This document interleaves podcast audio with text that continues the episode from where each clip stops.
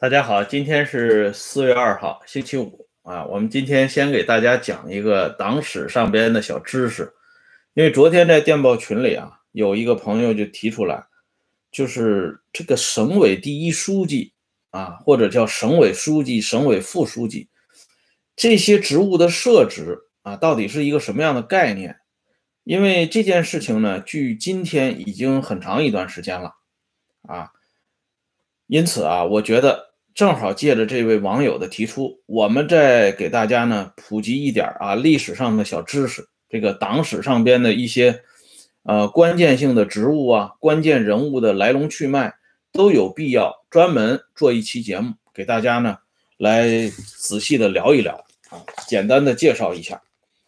因为这个第一书记啊这个职务在今天呢已经很少能够看到了。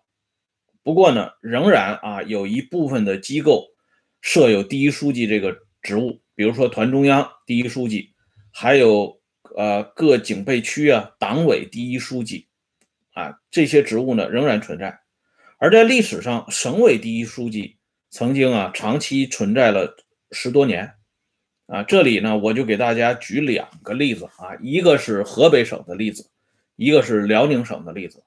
因为这两个省的例子很突出，啊，也很有代表性。河北省呢，在历史上被称为直隶、北直隶，天子脚下。那进入到新中国以后也不例外。这河北省的书记处是省委书记处是什么时候成立的？省委第一书记、省委第二书记和省委书记处书记，他们之间是一个什么样的关系？首先呢，我们来说一下。最早啊，在一九四九年的时候，一九四九年七月，中共中央决定成立中共河北省委。这个时候呢，省委的头面人物就叫省委书记，副手呢就叫省委副书记，很简单。后来由于中央统一安排，到了一九五五年开始啊，设立。省委书记处，省委书记处是由省委书记和副书记组成，对省全委会，就是省委委员们和省委常委会们负责处理省委的日常工作。而且在这个中间呢，比如说一九五三年，省委增设第二书记，协助第一书记。来主持工作，但当时啊，这个省委书记林铁还不叫省委第一书记，他就叫省委书记。增加马国瑞啊为河北省委第二书记，这并不意味着当时啊省委有第一书记。注意一下这个时间是在一九五三年。那到了省委成立书记处之后。啊，也就是说，一九五六年七月，河北省召开第一次省的党的代表大会，选举产生了河北省的省委的第一届委员会。哎，这个机构产生之后，一共选出来五个人组成省委书记处。这五个人呢，就是林铁、马国瑞、严达开、张成先。和古云亭，这里边呢，呃，这几个人物应该说都是大名鼎鼎。比如说严达开后来在天津任职，张成先后来在教育部任职。张成先这个名气还大一些，因为文化大革命最早派驻工作组，这张成先是被后来伟大领袖专门给点了名的人啊。当时的省委书记处就是由这么五个人组成。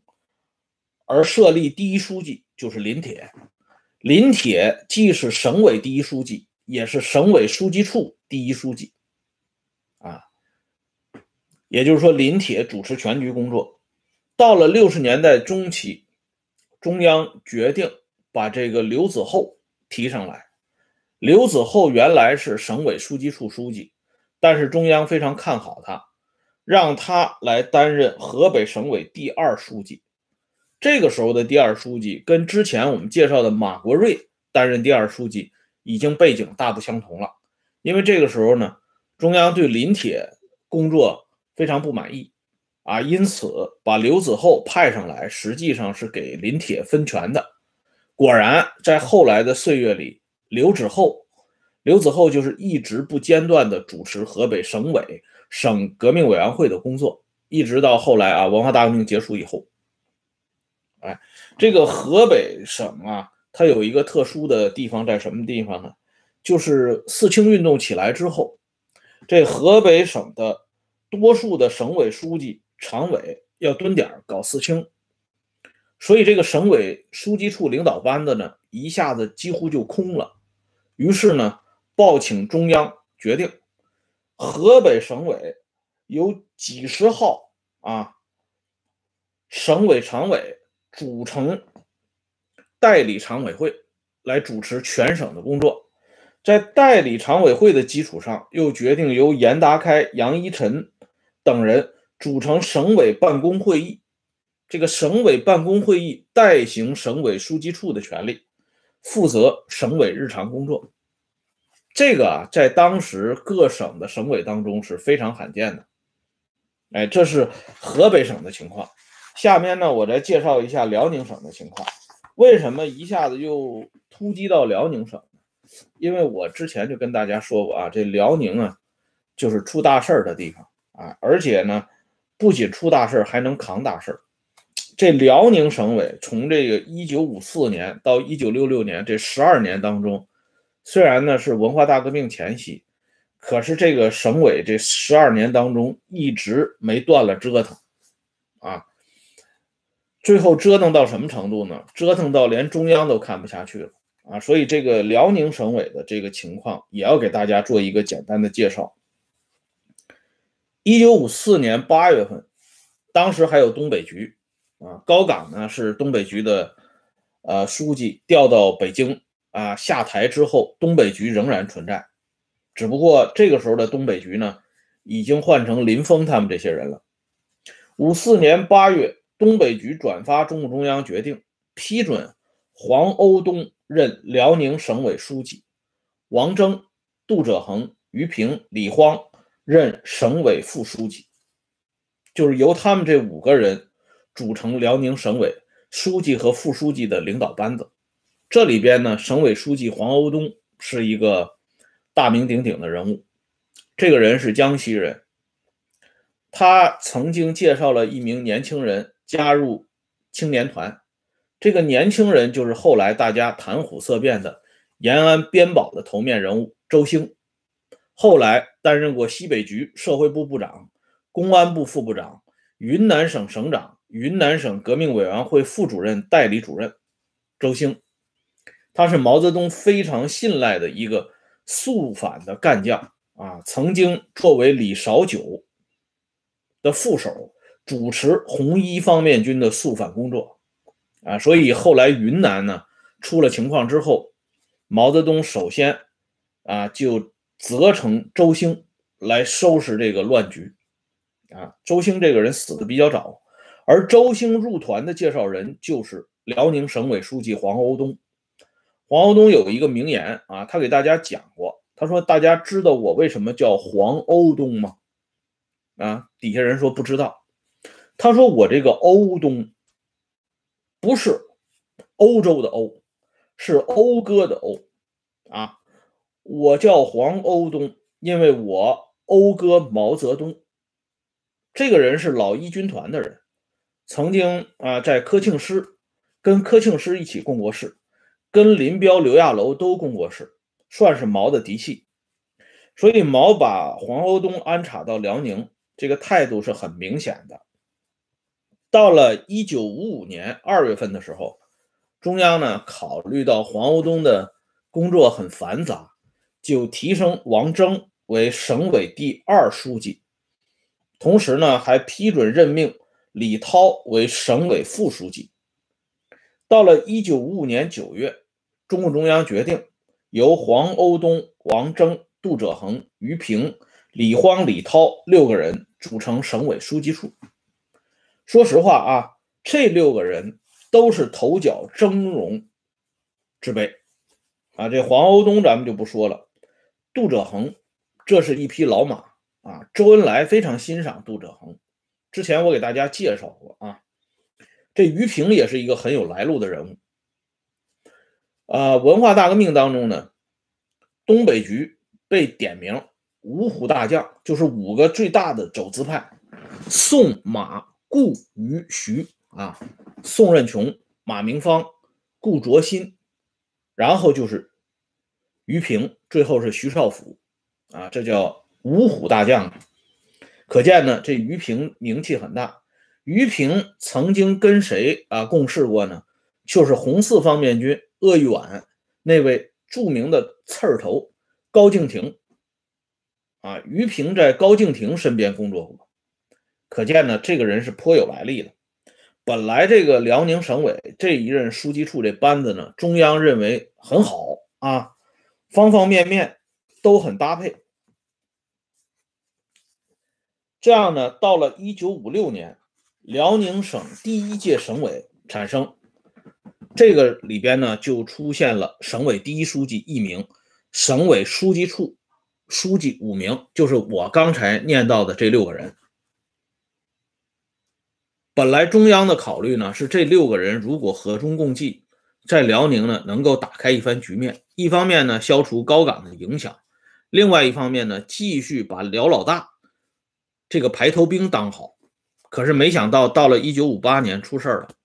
这省委书记处的六个人自己自相残杀起来，这第一书记黄欧东上来就把曾经担任过第二书记的王征给打趴下了。这王征打趴下不算，黄欧东想想这杜杜哲恒也不行，把杜哲恒呢也给打趴下了。中央本来提拔这个李涛啊，之前担任省委副书记和省委书记处书记。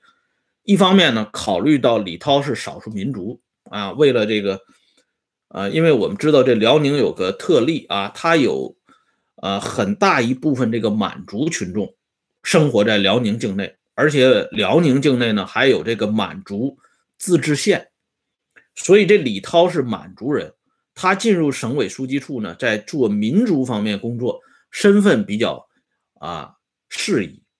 可是这李涛上来以后。呃，提了一个观点，他和杜哲恒他们提到一个观点，就是说，目前经济发展方面呢，应该重视这个玉米的生产。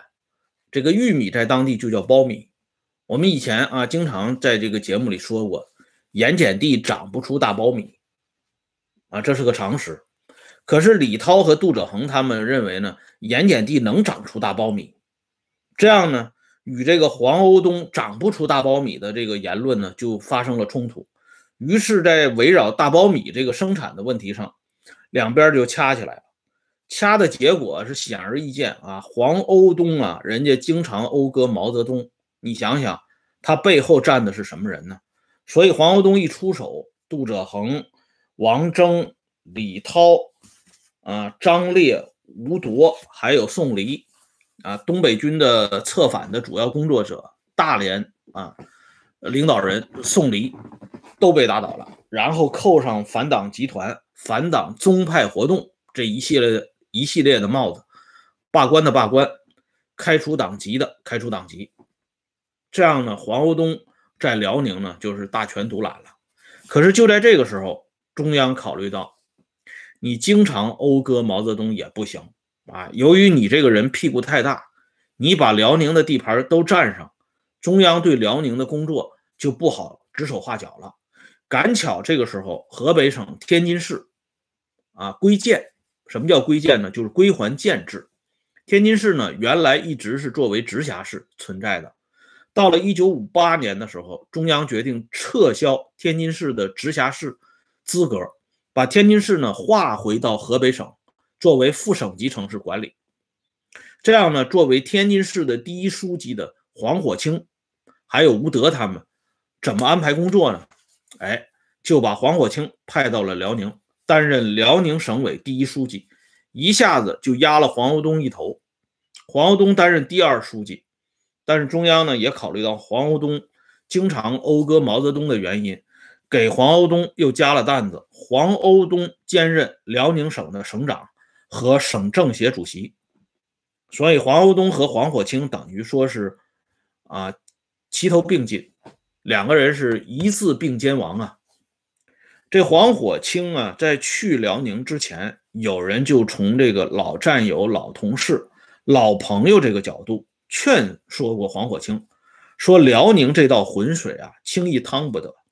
你到了省委以后，轻易不要表态啊，不要把自己啊，呃，画线画的那么明显。黄火清去了之后，在黄欧东他们的这一番啊，这个思想工作之下，这黄火清的屁股也坐歪了，也坐到黄欧东这边来了。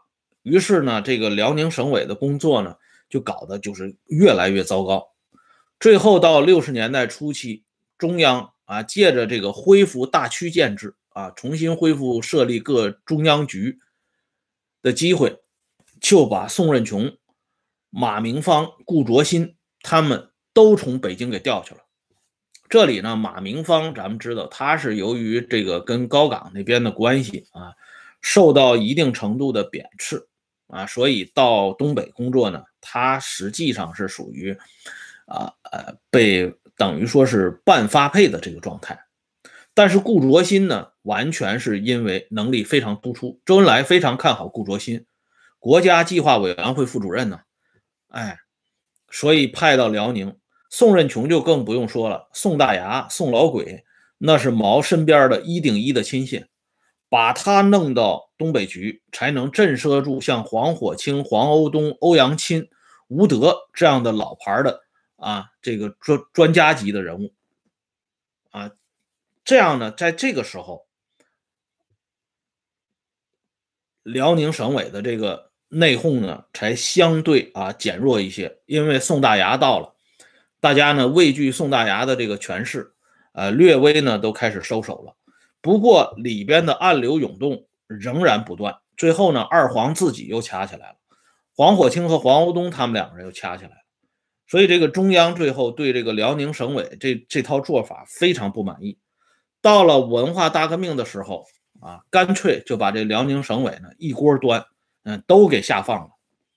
好了，今天呢介绍一下这个省委第一书记和省委书记、省委副书记、省委书记处的一点历史的沿革。这个话题呢就说到这里，感谢朋友们上来收看啊，欢迎大家关注“温相说时政”会员频道，每天都有更新。